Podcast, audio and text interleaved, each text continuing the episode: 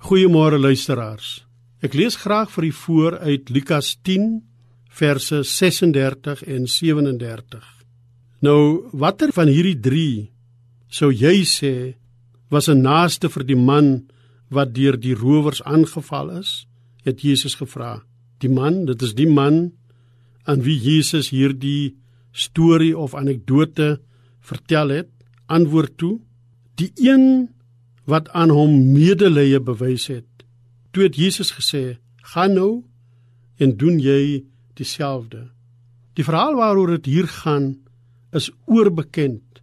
Te oordeel egter aan die praktyk van die lewe, lyk dit asof Jesus se uitgangspunt dat koninkryksmense voortdurend moet kyk na vir wie hulle 'n naaste kan wees, nog nie behoorlik verstaan word nie te oordeel aan hoe maklik mense hulle koppe wegdraai vir ander of wye draaie loop om die ander en by die verkeerslig God dank vir getinte motorryte wat 'n bietjie help om die bedelaar nie volledig in beeld te kry nie.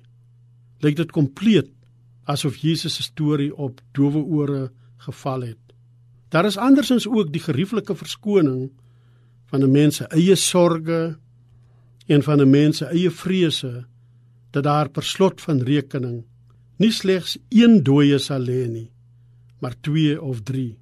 Die verrassende van Jesus se storie is dat juis die een van wie dit die minste verwag sou word om iets te doen op 'n selflose en onverskrokke manier sou optree. 'n Hond, soos wat die Samaritane uitgekry het is. 'n uitvaagsel in ander se oë betoon 'n saligmakende kameraadskap. Hy is nie gestel daarop om boontoe te klim en die hoogste sport te bereik nie, maar hy klim af en gaan die diepte in. Die smeerige modder gaan hy binne om die ongelukkige slagoffer by te staan. Hiertoe word koninkryksmense geroep om te gaan buig by diegene wat verwond langs die pad lê en hulle van diens te wees. Koninkryksmense duins nie terug van ongemaklike plekke nie.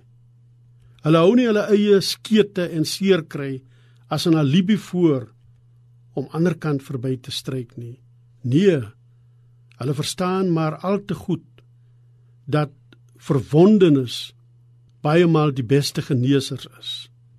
Soos Jesus deur wie se wonde daar vir ons genesing gebring is.